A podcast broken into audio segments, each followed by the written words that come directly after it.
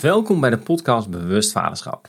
Veel mensen hebben een urgentieverslaving en hebben de neiging om dingen die urgent zijn ook belangrijk te laten lijken. Nou, de vorige keer in de vorige podcast heb ik je met gehad over stress en opvoeding en dit is vervolg daarop. Ken je die mensen die altijd problemen hebben, altijd een sensatieverhaal hebben? Nou, wat er eigenlijk gebeurt is dat onbewust levert hen aandacht op, ook al kan die negatief zijn. Denk ook aan je kinderen. En negatieve aandacht is ook aandacht. Nou, je kinderen, maar deze mensen zijn ook vaak niet bewust en dat ze hiermee ook hun eigen stress creëren. Want als je altijd problemen hebt, haal je ook problemen naar je toe. Soms simpelweg omdat je dingen groter maakt vanuit je behoefte aan aandacht. En dan ga je dit ook zo ervaren. Nou, urgentmakers zijn nu je e-mail beantwoorden terwijl het ook had kunnen wachten. Onderbrekingen toestaan, zoals telefoontjes of mensen die even je kantoor binnenkomen, even met snelle vraag. Taken afvinken, alleen omdat ze op de lijst staan. Meer to-do-lijsten maken. Maar denk hierbij ook aan je kinderen dus, die te pas en te onpas je kunnen onderbreken. En dat lijkt heel liefdevol als je dan hun woord staat. Maar het is niet eens altijd helpend, ook niet voor je kinderen. Oh, natuurlijk ook niet voor jezelf. Mijn tip daarin is ook, creëer me-time. Focus time en leer je kinderen om ook op zichzelf te zijn. En zelf dingen op te lossen. Dit is goed voor hun ontwikkeling en jij kan hierdoor een betere vader zijn. Nou, een tijd terug ben ik directeur geweest. En toen liep ik ook tegen dit probleem aan. Dus ik werd de hele week werd ik gestoord door collega's die kleine vragen hadden, grote vragen, belangrijke vragen. Waardoor ik eigenlijk niet meer toe kwam aan mijn eigen werk. En op een gegeven moment dacht ik, hey, dat wil ik anders doen. En wat ik toen ben gaan doen, is dat ik op vrijdag tussen 9 en 11 zeg maar een, blok reserveerde waarbij iedereen vragen kon stellen. Mijn deur open stond, iedereen welkom was. En wat daarvan het effect was, is dat ik veel minder vragen kreeg. Dat mensen dus veel meer zelf dingen gingen oplossen. Vragen werden beter en ik had meer echt aandacht voor ze als ze met een vraag kwamen. Dus het was super fijn, werkte heel goed. Nou, met kinderen werkt het natuurlijk niet zo. Eén keer in de week vragen stellen, zou wel ideaal zijn toch? Maar het principe werkt wel. En wat ik nu zelf bijvoorbeeld toepas, is uh, het fietslampje. En op het moment dat ik aan het werken ben, ik ben thuis aan het werken, dus ik zit in een afspraak, uh, dan doe ik het fietslampje aan. En dat staat dan dus op rood als het niet gestoord wil worden.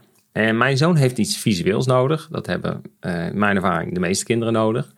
Want als ik dat alleen tegen hem zeg en hij is later aan het spelen en hij plopt opeens een idee op en heeft een vraag aan mij en is vergeten, dan loopt hij zo mijn kantoortje binnen. Dus dat werkt echt heel goed. Maar er zijn nu dus ook momenten dat het lampje brandt en dat ik hem voor de deur hoor rommelen. ongeduldig ze wachten tot ik weer een vraag mag stellen. Ik had zo lachen aan mezelf. Nou, dit is dus extra lastig met je kinderen. omgaan met die urgentie. Want die zijn heel erg dierbaar. Maar niet alles waar je kinderen mee komen is belangrijk. En dat is belangrijk om te onthouden. Onthoud je maar één ding van deze podcast, dan is dat het. En ik maak dus onderscheid tussen dingen die je doet op een dag in is het urgent of belangrijk of varianten erop. Maar dit zijn dus dingen die dringend zijn, maar niet belangrijk. Vaak zaken die dringend zijn voor anderen, je collega's, je kinderen. En je bent dan ook bezig met mensen te helpen die niet aan tijdmanagement doen. Of die je constant onderbreken met activiteiten, de binnenvallers. En als je hier dus niet de regie op pakt, met een duidelijk plan en aanpak, ben je constant aan het reageren op je omgeving. En beland je uiteindelijk in de dimensie van afleiding. En dat is dus uh, niet urgent en niet belangrijk. Daar wil je het liefst helemaal niet zitten. Om aan die stress te kunnen ontsnappen. En dit is een van de eerste zaken die ik oppak met ouders die stress hebben en thuis vastlopen. Het stellen van grenzen vanuit dit gedachtegoed. Wat is nou echt belangrijk voor jou? En wat is ook de volgorde ervan? Dus bewust zodat jij en je kinderen op lange termijn ook baat bij hebben als jij andere prioriteiten gaat stellen en grenzen gaat aangeven. En ik zie hier nog, hier, ja, ik zie het hier nog wel eens fout gaan. Want dan gaan ouders grenzen stellen, alleen een groter plan en doel ontbreekt. Dus snapt de omgeving het niet, schiet in de weerstand en je houdt het zelf vaak ook niet vol. Dus dat is heel belangrijk om helder te hebben. Oké, als ik dan grens ga stellen, waarom doe ik dat? En wat is dan echt belangrijk voor mij en ook voor mijn kinderen? Nou, als je afvraagt waarom je te lang op de bank ligt, onnodig lang Netflix-series kijkt, uit verveling gaat eten, gamen, doelloos scrollen op social media, terwijl je liever je tijd besteedt aan iets nuttigs, bijvoorbeeld iets doen met je kinderen, dan heb ik hier het antwoord voor je. Je hebt geen plan voor je gezin, ook niet voor je leven, en je wordt geleid door de urgentie vaak van anderen. En uiteindelijk, als dat maar lang genoeg duurt, dan schiet je dus naar afleiding toe. En dan ga je al die dingen doen. En de kunst is dus om helder te hebben wat je wilt voor je leven. En vervolgens uitgesplitst in de verschillende levensgebieden, zoals je gezin, je werk, je relaties. En in deze podcast zoom ik in op je gezin. En wat is belangrijk voor jou? Want dan kan je een plan maken en hier dagelijks prioriteit op zetten. Nou, vraag aan jou: wat wil je voor en met je kinderen? En wat betekent dit op een dag? Nou, ik heb bijvoorbeeld een vader begeleid, om je mee te nemen, die zich heel erg overweldigd voelde voor wat hij allemaal moest doen. Voor zijn vier kinderen, een baan, een huishouden, sport, een partner en vrienden. En hij had last van het stemmetje, je doet het nooit goed genoeg. En wat leidt tot stress. En want stress is immers een modern woord voor angst. Hij had dus last van de continue angst om het niet goed te doen. Dus ik ben met hem gaan zitten. En we hebben eerst gekeken naar zijn rol als vader. En ik heb hem gevraagd, wat doe je voor je kinderen? Nou, ik help ze met aankleden. Ik maak contact met de kinderen als ik ze naar school breng. Ik neem hen zo mee naar voetbaltraining. Ik haal de kinderen twee keer per week op uit school. Ik kook voor ze. Ik ruim hun speelgoed op. En ik maak het hok van de konijn schoon. En geef hem te eten als zij het niet doen. Enzovoort, enzovoort. En vervolgens vroeg ik, wat wil je bereiken? En wat is je visie op vaderschap? Wat wil je betekenen als vader? Of hoe wil je doen als vader? En wanneer doe jij het ook goed voor jouw gevoel? En deze laatste vraag is een hele belangrijke om naar een stressvrij leven te gaan werken. Nou, na wat sparren kwam eruit als ik kan verbinden met mijn kinderen op het diepste niveau, plezier met hun kan hebben en echt invloed kan hebben op hun waarden. Ook heb ik hem gevraagd waarom hij dit wil. En dit is essentieel, want je waarom is je drijvende kracht. Ook als het heel druk is en de motivatie wegvalt, helpt de waarom je om het vol te houden. En de waarom is gebaseerd op een emotionele connectie. En je voelt het in je tenen waarom je het wil. Dus niet iets vanuit je hoofd, wat je bedacht of wat je denkt dat goed is om te doen. Dus hij zei: Dit is waar ik voor gemaakt ben. Dit is wat vader zijn is. En ze verdienen mijn aandacht. En hij vertelde ook hoe hij in zijn jeugd de echt gesprekken had gemist met zijn vader. Er werd wel praktisch voor hem gezorgd, maar het echt contact was er niet.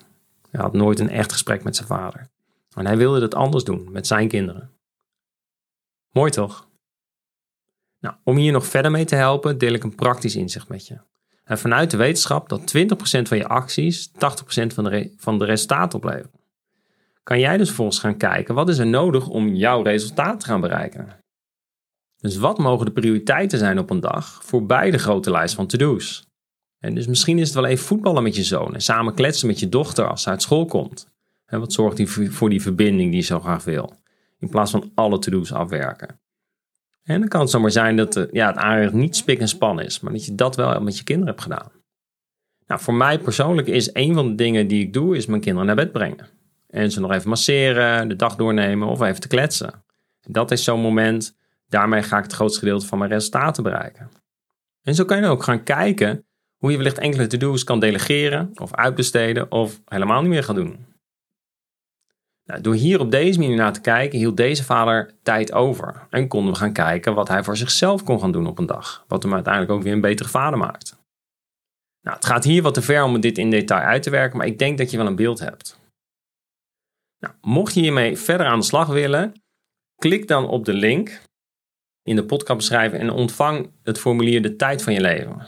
En daar zijn een aantal vragen opgenomen die je helpen om de shift te maken van urgent, maar niet belangrijk, naar niet urgent en belangrijk. En waardoor je minder stress en meer vulling ervaart voor jezelf en met je kinderen. En denk je van, nou Rode, ik wil hier echt mee aan de slag. En ik zie ook nog dat ik veel te leren heb om een bewust vader te zijn. Schiet dan een gesprek met me in. En dan kan ik met je meekijken waar je staat, hoe jouw situatie is en wat je nodig hebt. En de link hiervoor vind je ook terug in de podcastbeschrijving. En wellicht komt er wel uit dat je wilt starten met het programma Jouw Bewust Vaderschap. Ook deze maand starten weer vaders. En als laagdrempelig aanbod heb ik een online training Luisteren naar je kind ontwikkeld. En die je deze maand als podcastluisteraar slechts voor 19 euro kan bestellen in plaats van 59 euro. In deze online training van zes lessen met concrete oefeningen krijg je antwoord op deze vragen. Hoe kan ik luisteren en omgaan met de emoties van mijn kind?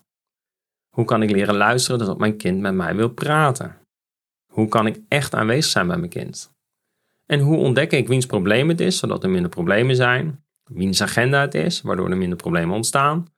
En hoe kom ik erachter wat er omgaat in mijn kind?